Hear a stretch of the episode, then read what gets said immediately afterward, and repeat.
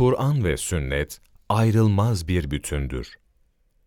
Resulullah sallallahu aleyhi ve sellem veda haccı esnasında insanlara bir hutbe verdi. Buyurdu ki, muhakkak size bıraktığım şeylere sımsıkı sarılırsanız asla delalete düşmezsiniz. Bu şeylerde iki emirdir. Allah'ın kitabı Kur'an ve Nebinizin sünnetidir.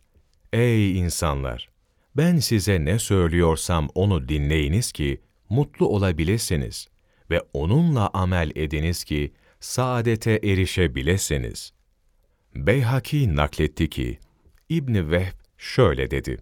Malik bin Enes'ten işittim radıyallahu an. Diyordu ki, Resulullah veda hacında ne buyurmuşsa onlara sarılın. Resulullah sallallahu aleyhi ve sellem buyurdu ki, size iki şeyi bıraktım.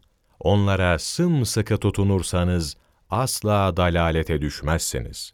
Onlar da Allah Celle Celaluhu'nun kitabı Kur'an ve Resulullah sallallahu aleyhi ve sellemin sünnetleridir.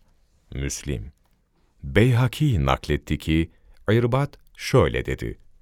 Resulullah bir gün bize namaz kıldırdı.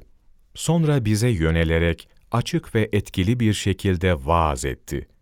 Bundan dolayı gözler yaşardı, kalpler titredi. Topluluktan birisi dedi ki, Resulullah sanki vedada bulunan birisi gibi konuşma yaptı.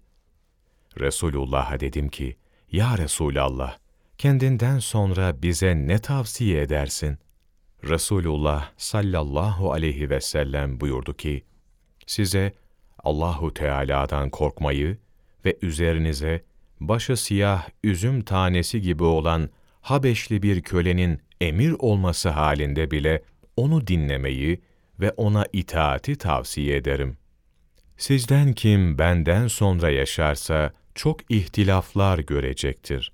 O zaman siz benim sünnetime ve doğru yola ileten Hulefai Raşidinin yoluna tabi olunuz ve buna azı dişlerinizle sımsıkı sarılınız.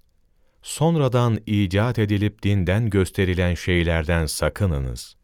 Şüphesiz ki dinden gösterilerek sonradan icat edilen her şey bid'at, her bid'atte sapıklıktır.